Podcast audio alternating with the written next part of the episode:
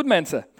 Ehm, stel je voor hè, deze kan, die zit gewoon vol met heerlijk eh, fris water. Kijk maar, hier heb ik een beker en ik eh, ga het gewoon even laten zien. Mm. Ja, het smaakt goed. Smaakt goed.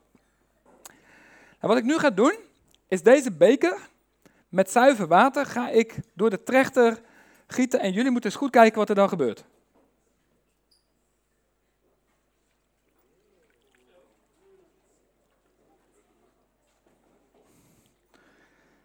Ik weet niet, uh, heeft iemand zin in een slokje? niet echt, hè?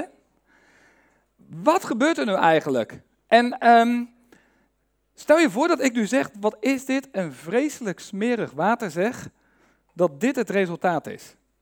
Dan ben ik natuurlijk niet helemaal eerlijk bezig. En uh, jullie hebben het misschien al gezien. Wat is het probleem? De trechter zat helemaal vol met modder.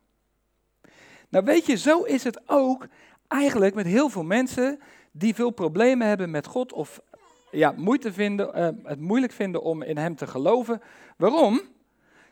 Ze geven God de schuld, omdat het terecht is van veel mensen die zeggen dat ze Jezus volgen zo vies zijn, zodat wat God door hen heen giet en wat eruit komt er uiteindelijk zo blubberachtig uitziet. Nou, dat heeft dus alles te maken met het thema van uh, vandaag. En dat is uh, grote schoonmaak. Nou, ik weet niet of jullie nog, uh, ik denk dat de meesten van ons niet uit de generatie komen dat je ouders nog gewend zijn om grote schoonmaak te houden, toch? Ik herinner het wel hoor, bij mij thuis vroeger ging in deze tijd van het jaar, in het voorjaar, ging echt alles aan de kant. Alle kleden buiten, schoongemaakt. Het hele huis werd van onder naar boven omgekeerd. Maar ja, um, dat is uh, lang geleden.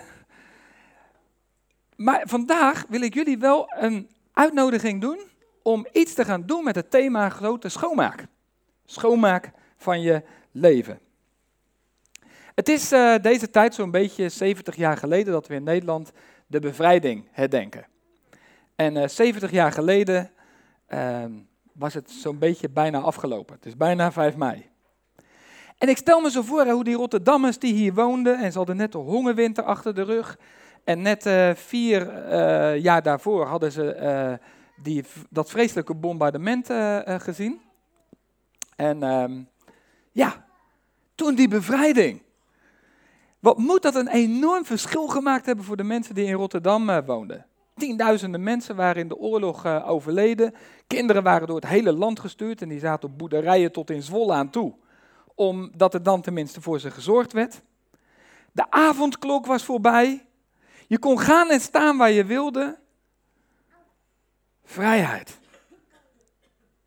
Nou, wij zitten nu in een serie en die gaat helemaal over uh, dat thema, over vrijheid.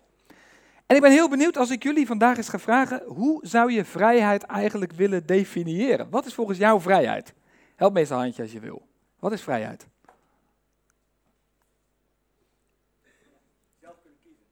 Zelf kunnen kiezen.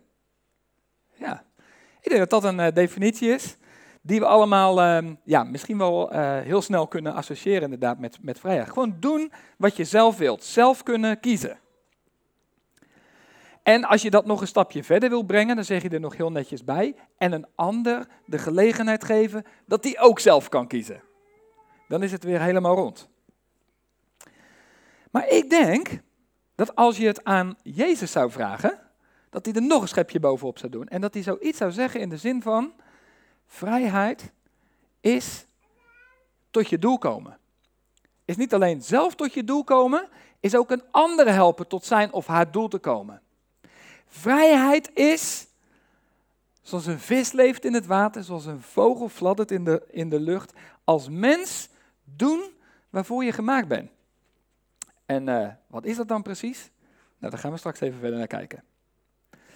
In elk geval, zoals we net in dat uh, filmpje van Kiwi hebben gezien, kunnen er allerlei patronen en soms zelfs verslavingen in ons leven zijn die ons belemmeren om in die vrijheid waarin we zouden kunnen leven, om daar daadwerkelijk in te staan. En daar echt van te genieten. Uh, gewoon een voorbeeld. Als ik elke keer bijvoorbeeld last heb van negatieve gedachten. Daniel, misschien kun je de list heel even wegnemen, want ik kan, ik kan me gewoon niet goed concentreren. en um, even kijken hoor, waar was ik gebleven? even weer terugzoeken hoor. Ja, als ik dus last heb van negatieve gedachten en als ik last heb zeg maar van um, uh, elke keer opnieuw dat ik naar mensen kijk en er komen gedachten in mijn hoofd van ja, zou die persoon dit of misschien die persoon dat. En uh, ja, dan uh, op een gegeven moment kan ik daar zelfs echt een zuurpruim van worden. Dan word ik iemand met zo'n hele kritische geest. Die altijd met een zwartgallige bril naar een ander zit te kijken. En dan uh, echt zoiets heeft van, jongen, wat is dat voor een figuur? En dan word ik zomaar een slaaf van mijn eigen negatieve emoties en gedachten. En ehm, ja, dat is, ehm, dat is zeker niet wat je wilt. Nou, waar wij nu mee bezig zijn, Celebrate Recovery, een serie van zeven, dat is een serie die erop gericht is van de vrijheid. Dat je inderdaad als een vogel in de lucht kan fladderen. Hoe kan jij daarin leven? En de eerste keer hebben we erover nagedacht van, um, je zou kunnen zeggen, toen was het thema You Can't. In die zin van als jij zelf moet gaan proberen om helemaal in vrijheid te leven, en je moet dat zelf voor elkaar boksen, dan is het heel erg lastig. Denk maar terug aan de Tweede Wereldoorlog. Ik bedoel, stel je voor dat wij als Nederlanders de Duitsers hadden moeten wegjagen. Uh, ik sluit niet uit dat we dan nu nog steeds onderdeel waren geweest van het Dritte Reich. We hadden een externe bevrijder nodig, die van de andere kant van de oceaan, van de andere kant van de Noordzee zou komen, om hier een invasie te doen, want op eigen kracht konden we dat gewoon niet redden. Nou, ik kan me voorstellen dat je nu zegt, en je bent een beetje sceptisch misschien over geloof, dat, je, dat gaat mij wel een beetje snel. En uh, dat, heb je, dat is het probleem met die christenen. Hè? Die denken dat ze zichzelf niet kunnen helpen. Dus bedenken ze dan maar een God. En die kan ze dan helpen, want ze zijn zelf niet volwassen genoeg om hun eigen levensproblemen op te lossen. Heb je vaker gehoord, toch? Nou, daar zullen we straks eens over uh, dieper op ingaan om eens te kijken wat we daarmee kunnen. Vorige week was eigenlijk de boodschap: God can. Wat jou niet lukt, daar is God absoluut toe in staat. En dan vandaag inderdaad grote schoonmaak. Want um, het verhaal waar deze hele serie van vrijheid aan opgehangen is, dat is het eh, verhaal van dat Jezus daar zit op een berg. En uh, er zitten massa mensen om hem heen. En uh, in de buurt van Capernaum, zo boven het meer van Galilea, vertelt hij ze daar de principes van het koninkrijk van God. En daar heeft hij het over hoe je kan leven in vrijheid. En dan zegt hij steeds, gelukkig zijn die mensen, nou verleden week, die treuren. Dat is een apart verhaal, kun je terugluisteren op internet als je dat niet snapt. Want dat klinkt nogal tegenstrijdig, gelukkig als je treurt. Vandaag, gelukkig als je zuiver van hart bent. Nou, ik kan me voorstellen dat dat al ietsje meer landt. Want jij hebt misschien ook wel voorbeelden van die mensen om je heen, die je ziet en dan zie je gewoon, weet je, dat zijn pure mensen. Dat zijn mensen die hebben niks te verbergen, die hebben geen dubbele agenda's, die kijk je in de ogen en dan zie je stel heldere kijkers. Dat zijn niet mensen die hun ogen gelijk wegdraaien, maar dat zijn mensen, dat zijn mensen uit één stuk. En dan kun je gewoon, als je, als je naar ze kijkt, kun je al zien van, wauw, dat is iemand, weet je, daar wil ik wel even lekker mee chatten. Daar wil ik wel even, ehm, even een praatje mee, uh, mee houden. Gelukkig zijn die mensen die zuiver zijn van hart. Maar ja, zuiver van hart, weet je, als ik, uh, als ik naar mezelf kijk en gewoon eens even naga, zeg maar, wat, ik in, wat er in mijn leven allemaal uh, gebeurd is, dan denk ik, nou, dat, dat gaat bepaald niet vanzelf, zeg, zuiver van hart zijn. Want er komt nogal wat op je levensweg op je af. Um, en dat hoeft, echt, dat hoeft echt niet allemaal zo heftig te zijn als die verslaving bij Kiwi. Maar het kan ook van heel andere aard zijn. Um, waardoor er van die ellendige herinneringen blijven zitten. Van die zwarte bladzijden in je leven. En soms kan dat heel heftig zijn. En dan denk ik terug aan onlangs dat meisje wat ik ontmoette. Uh, die me vertelde, ze is nu in de twintige jaren, dat ze vertelde dat toen ze veertien was. Dat ze misbruikt was. En ik keek in ogen, zo vol verdriet en pijn en afwijzing. En ik ging door de grond omdat ik haar pijn een klein beetje in mijn eigen hart voelde. Ja, grote schoonmaak. We hebben de afgelopen week in Huizen Vissen mee te maken gehad. Want ik heb zo'n klein uh, kamertje en daar stonden even tijdelijk wat boeken opgeslagen. Want ik was van kantoor verhuisd. En ja, in zo'n klein uh, kamertje dan komt het er gewoon niet van, uh, je gebruikt het even als opslagkamer om het schoon te maken. En een week of twee geleden denk ik van, het ziet er toch wat raar uit, dat kleed wat hier ligt. En ik kijk nog eens goed, het hele kleed, of beter gezegd, het hele kamertje zit onder de motten. Vies. Smerig. En zo goed en kwaad als het ging, heb ik eerst de stofzuiger er doorheen gehaald. Nou, toen was het uh, ergste, dacht ik, weg. Maar toen is Rieneke een kijkje gaan nemen. En uh, toen bleek dat er nog het nodige te doen was. Want letterlijk alles in dat kamertje was aangetast door die motten. Dus uh, afgelopen week is het kleed naar buiten gegaan, de kussens zijn omgekeerd, de hele kamer is met azijn gedaan. Echt grote schoonmaak. Als je er nu komt, weet je, het ruikt weer fris. Het is uh, een plezier om er weer te zijn. Uh, de mufheid is weg. Uh, alles wat aangetast wordt door de mot is zoveel mogelijk schoongemaakt. Het kleed heeft buiten gehangen. De mottenballen die zijn geïnstalleerd. En probleem is opgelost. Grote schoonmaak. Het kost even heel wat moeite. En ik had bijna de neiging om tegen Rinneke te zeggen, joh, gooi dat kleed weg, want je, het kost je veel te veel van je tijd. Maar toen ik zo uh, deze week het resultaat zag, dacht ik, ik ben blij dat ze het niet heeft gedaan. Wat ziet dat kleed er gewoon weer prachtig, fris uit. Applaus voor Rinneke. Goed zo. Henk, zo doen we dat. Zo doen we dat. Nou, ik wil jullie gewoon eens eventjes meenemen in de vraag van wat bedoelt Jezus nu? En ik ga jullie de volgende PowerPoint laten zien. Ik schrijf even deze microfoon aan de kant, want die staat er voor sommige mensen, denk ik, voor in de weg. Dankjewel, Daniel. Sander staat er ook voor? Oh. Goed. Um, hoe zien wij er volgens de Bijbel uit? Ik denk dat we een lichaam hebben en een ziel dat is misschien voor de meeste mensen wel vrij duidelijk.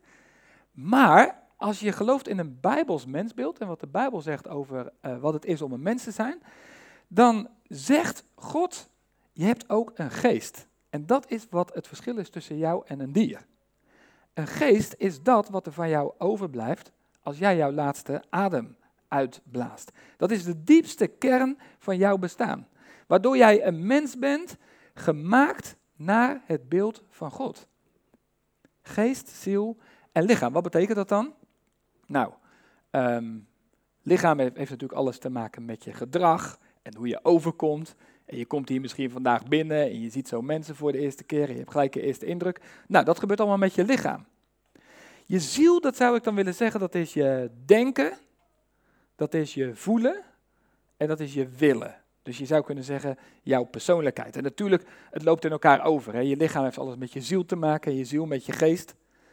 En je geest dan als laatste, zou ik willen noemen, je, uh, je identiteit. Waar je intuïtie zit, waar je geweten zit.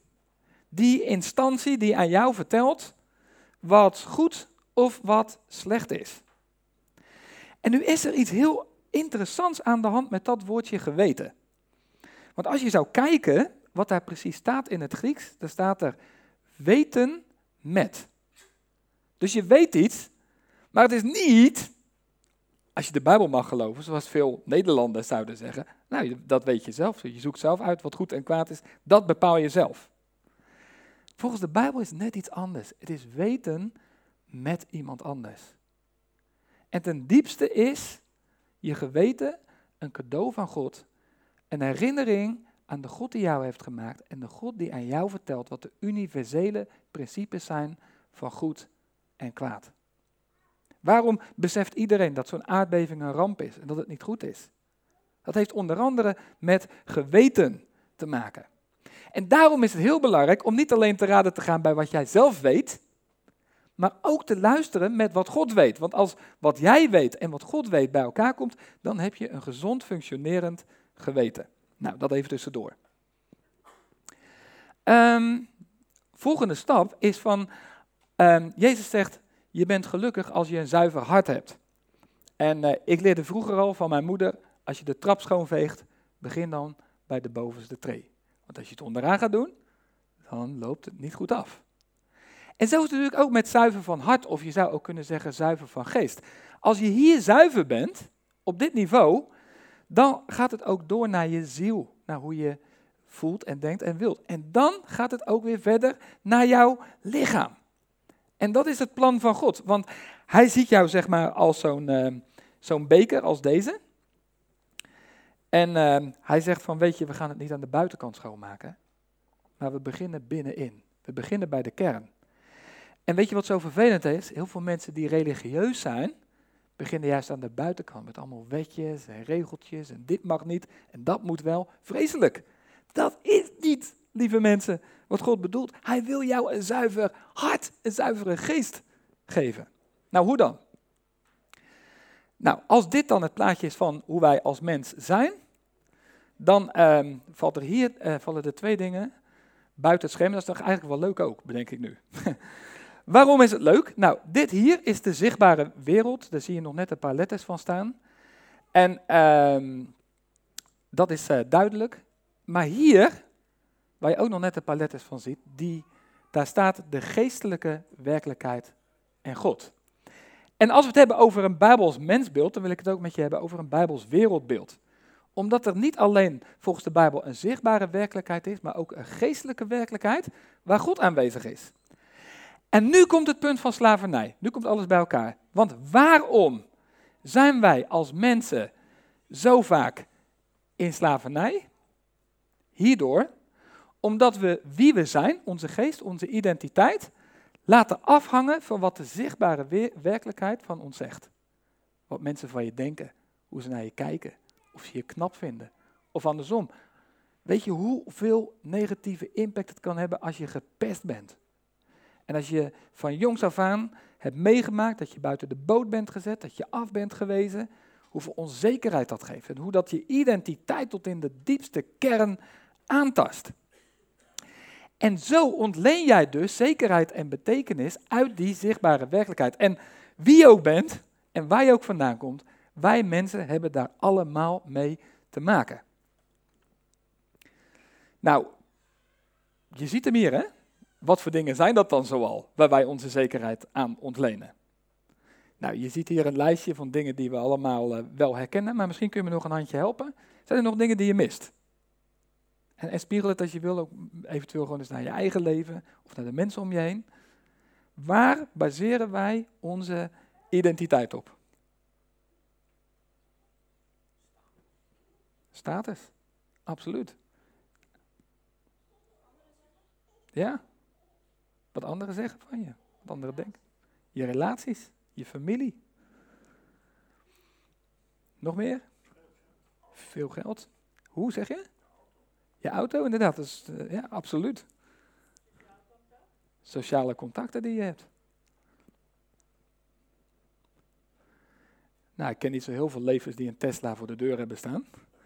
Maar uh, het zegt wel een hoop hè, als je uh, zo'n mooie auto voor de deur hebt staan.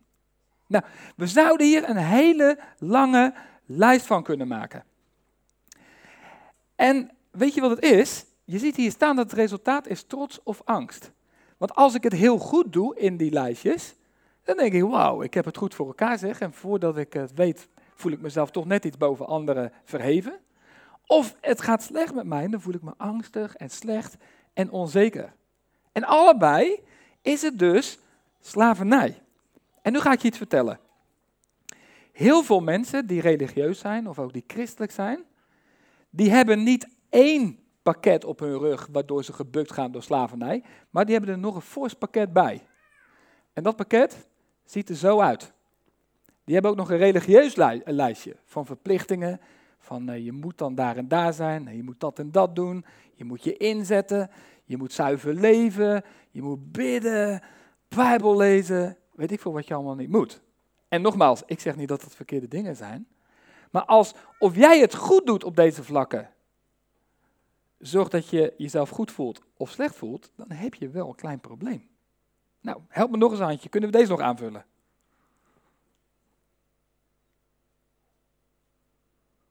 Heb je een idee? Kijk, er zitten helemaal geen religieuze mensen bij leven. Die hebben daar geen last van. Fantastisch. Nou,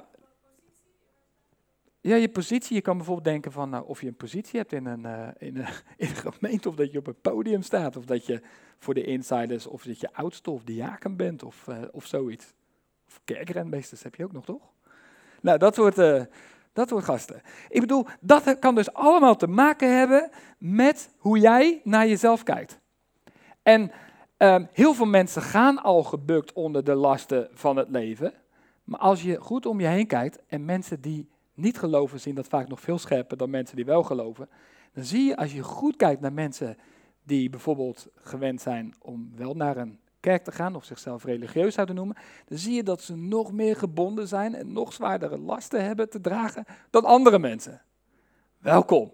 Dan krijg je echt zin om ook een volgeling van Jezus te worden, toch? Goed. Wij hebben het dus nu over slavernij. En um, ja, je zou hier een heleboel van kunnen zeggen. Um, maar waar, waar, het mij eventjes aan denken doet, is um, ja, aan dit verhaal. Dat, dat, dat zeg maar die slavernij dat zo op je rug drukt. Maar ook dit, van, er zijn dus ook dingen waar je grote schoonmaak voor nodig hebt. Die je gewoon, je zou kunnen zeggen drie categorieën. Categorie 1 is dat je gewoon echt bewust actief verkeerde dingen doet. Je spreekt roddel, je liegt, je bedriegt andere mensen, je bent oneerlijk, je bent onbetrouwbaar. Je pleegt overspel. Je koestert boosheid in je hart. Je vergeeft andere mensen niet. Je bent egoïstisch. Je denkt aan jezelf. Een ander doet een beroep op je, wil je me even helpen? En je zegt nee, ik heb geen zin. Weet je, al dat soort dingen plaatst de Bijbel in de categorie zonde. En zonde betekent letterlijk je doel missen. Want God heeft jou niet gemaakt als iemand die e- bedoeld als iemand die egoïstisch is, die in de eerste plaats om zichzelf denkt, die boosheid koestert in zijn hart, die overspelig is. Zo wil God niet dat je leeft. Hij zegt, mens, beschadig je niet met die dingen. Je doet mij tekort, je doet jezelf tekort, je doet de mensen om je heen tekort. Dat is geen vrijheid. Dat is niet tot je doel komen. Nou, dat is dus zonde. Een woord wat je misschien niet zo heel prettig vindt klinken, maar wat wel een realiteit is. En als we gewoon die bagger, die modder in die trechter niet benoemen, kunnen we er ook niets aan doen om er vanaf te komen, lieve mensen. Nou, dat zijn dus de dingen die je actief doet. De tweede categorie, zou je kunnen zeggen, dat zijn de dingen um, die je niet doet, terwijl je ze wel had moeten doen. Ik denk bijvoorbeeld de afgelopen week hebben we met z'n allen uh, gezien dat uh, die 850 bootvluchtelingen die om het leven zijn gekomen, dat heel Europa langzamerhand wakker begint te worden en zegt, wij moeten iets gaan doen. Wij mogen niet de andere kant meer opkijken. We kunnen niet doen of onze neus bloedt of dat het het probleem is van Italië.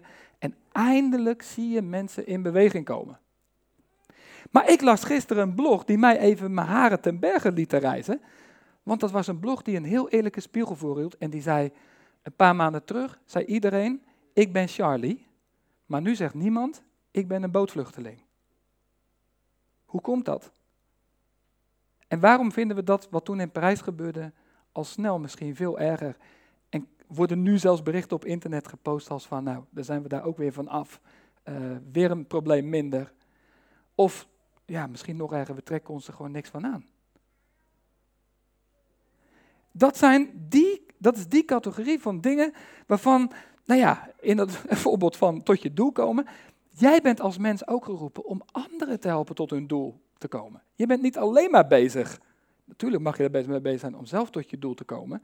Maar als jij zo zegt, I don't care, weet je, die ander, dat is zijn probleem. Dat is niet mijn leven. Die moet het zelf maar lekker uitzoeken. Dat is zijn pakje aan. Daar heb ik niks mee te maken. Als je zo leeft, dan zegt God vandaag tegen jou, hé hey gast, zo heb ik je niet bedoeld. Ik heb je bedoeld als iemand met een groot hart. Als iemand die um, compassion voelt als hij naar andere mensen kijkt met wie het slecht gaat en die het moeilijk hebben.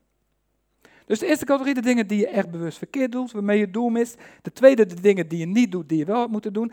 En de derde zou ik dan willen zeggen, um, en dat is een hele subtiele categorie, alles waarmee jij jouw leven vult met nepvullers. Nepvullers, wat een woord is dat, hè? En luister goed, dat zijn dus vaak hele goede dingen, Zoals nou, in het religieuze geval uh, uh, gewoon hier naartoe gaan is op zich helemaal niet per se verkeerd of zo. Of zingen, of bijbel lezen, of bidden. Of dat andere lijstje, gezondheid, niks mis mee. Schoonheid, prestaties en euro's. Er is helemaal niks mis mee. Weet je wanneer het fout gaat? Als dat de dingen zijn die jij nodig hebt om jouw hart mee te vullen. Als dat jouw identiteit gaat bepalen. Als dat aangeeft hoe groot jouw eigen waarde is. En nu wil ik hier iemand zien die zegt, dat is op mij niet van toepassing. Ik heb geen nepvullers in mijn leven. Lieve mensen, laten we eerlijk zijn. In alle drie de categorieën maken we fouten, zondigen we en komen we niet tot ons doel. En laten we dingen liggen. En creëren we daarmee een afstand tussen God en tussen ons. En leven we niet in vrijheid, maar in slavernij. En je kunt daarvoor wegrennen. En je kunt zeggen, die grote schoonmaak, die is mij veel te pijnlijk. Maar ik wil vandaag tegen jou zeggen, er is alle reden om daar vanaf te komen. En hoe dan? Nou, dan ga ik even met je verder kijken. Um, dat heeft alles hiermee te maken. Want net in het vorige plaatje zag je hier dat er geen pijl staat met God. En dat is het probleem, dat wij als we op deze wereld komen, niet een natuurlijke verbinding met God hebben.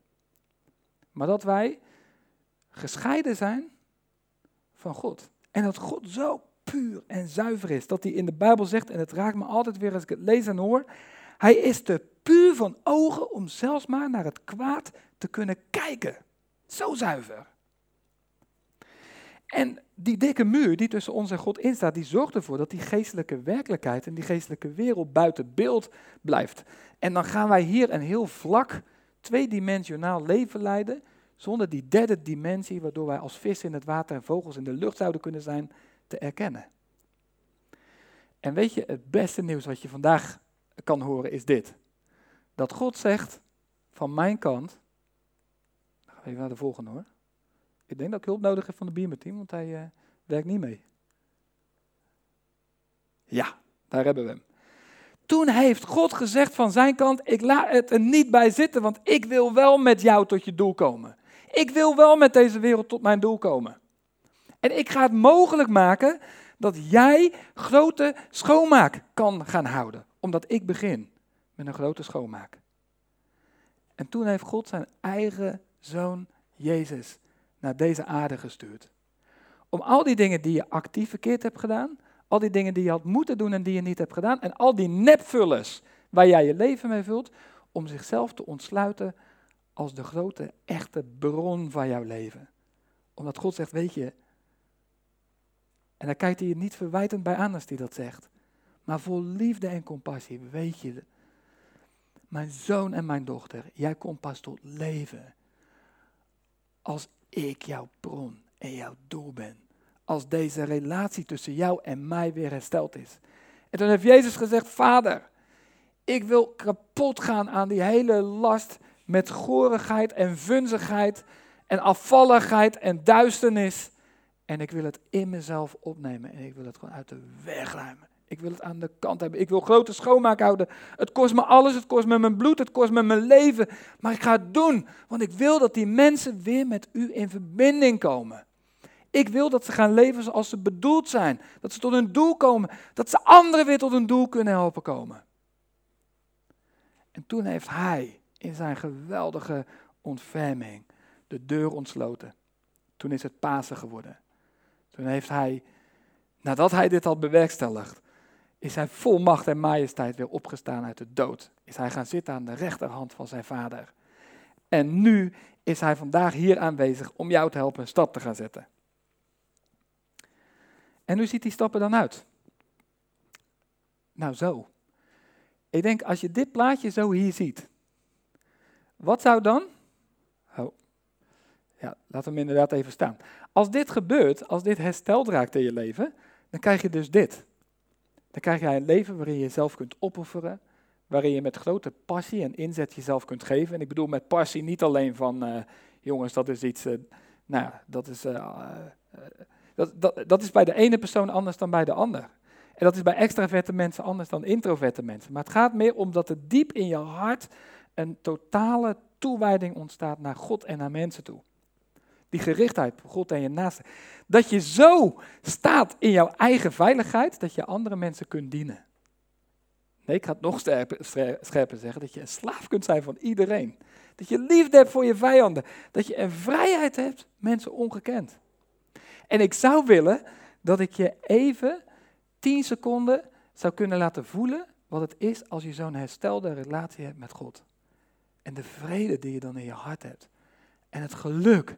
En de blijdschap dat je gewoon soms het gevoel dat je uit je vel klapt van pure blijdschap om die vreugde die er in je hart is gekomen.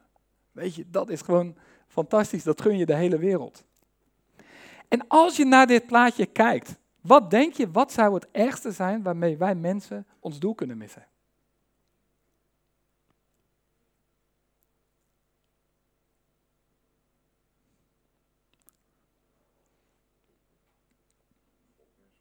God missen. Dat zeg je echt heel mooi, Sjaak.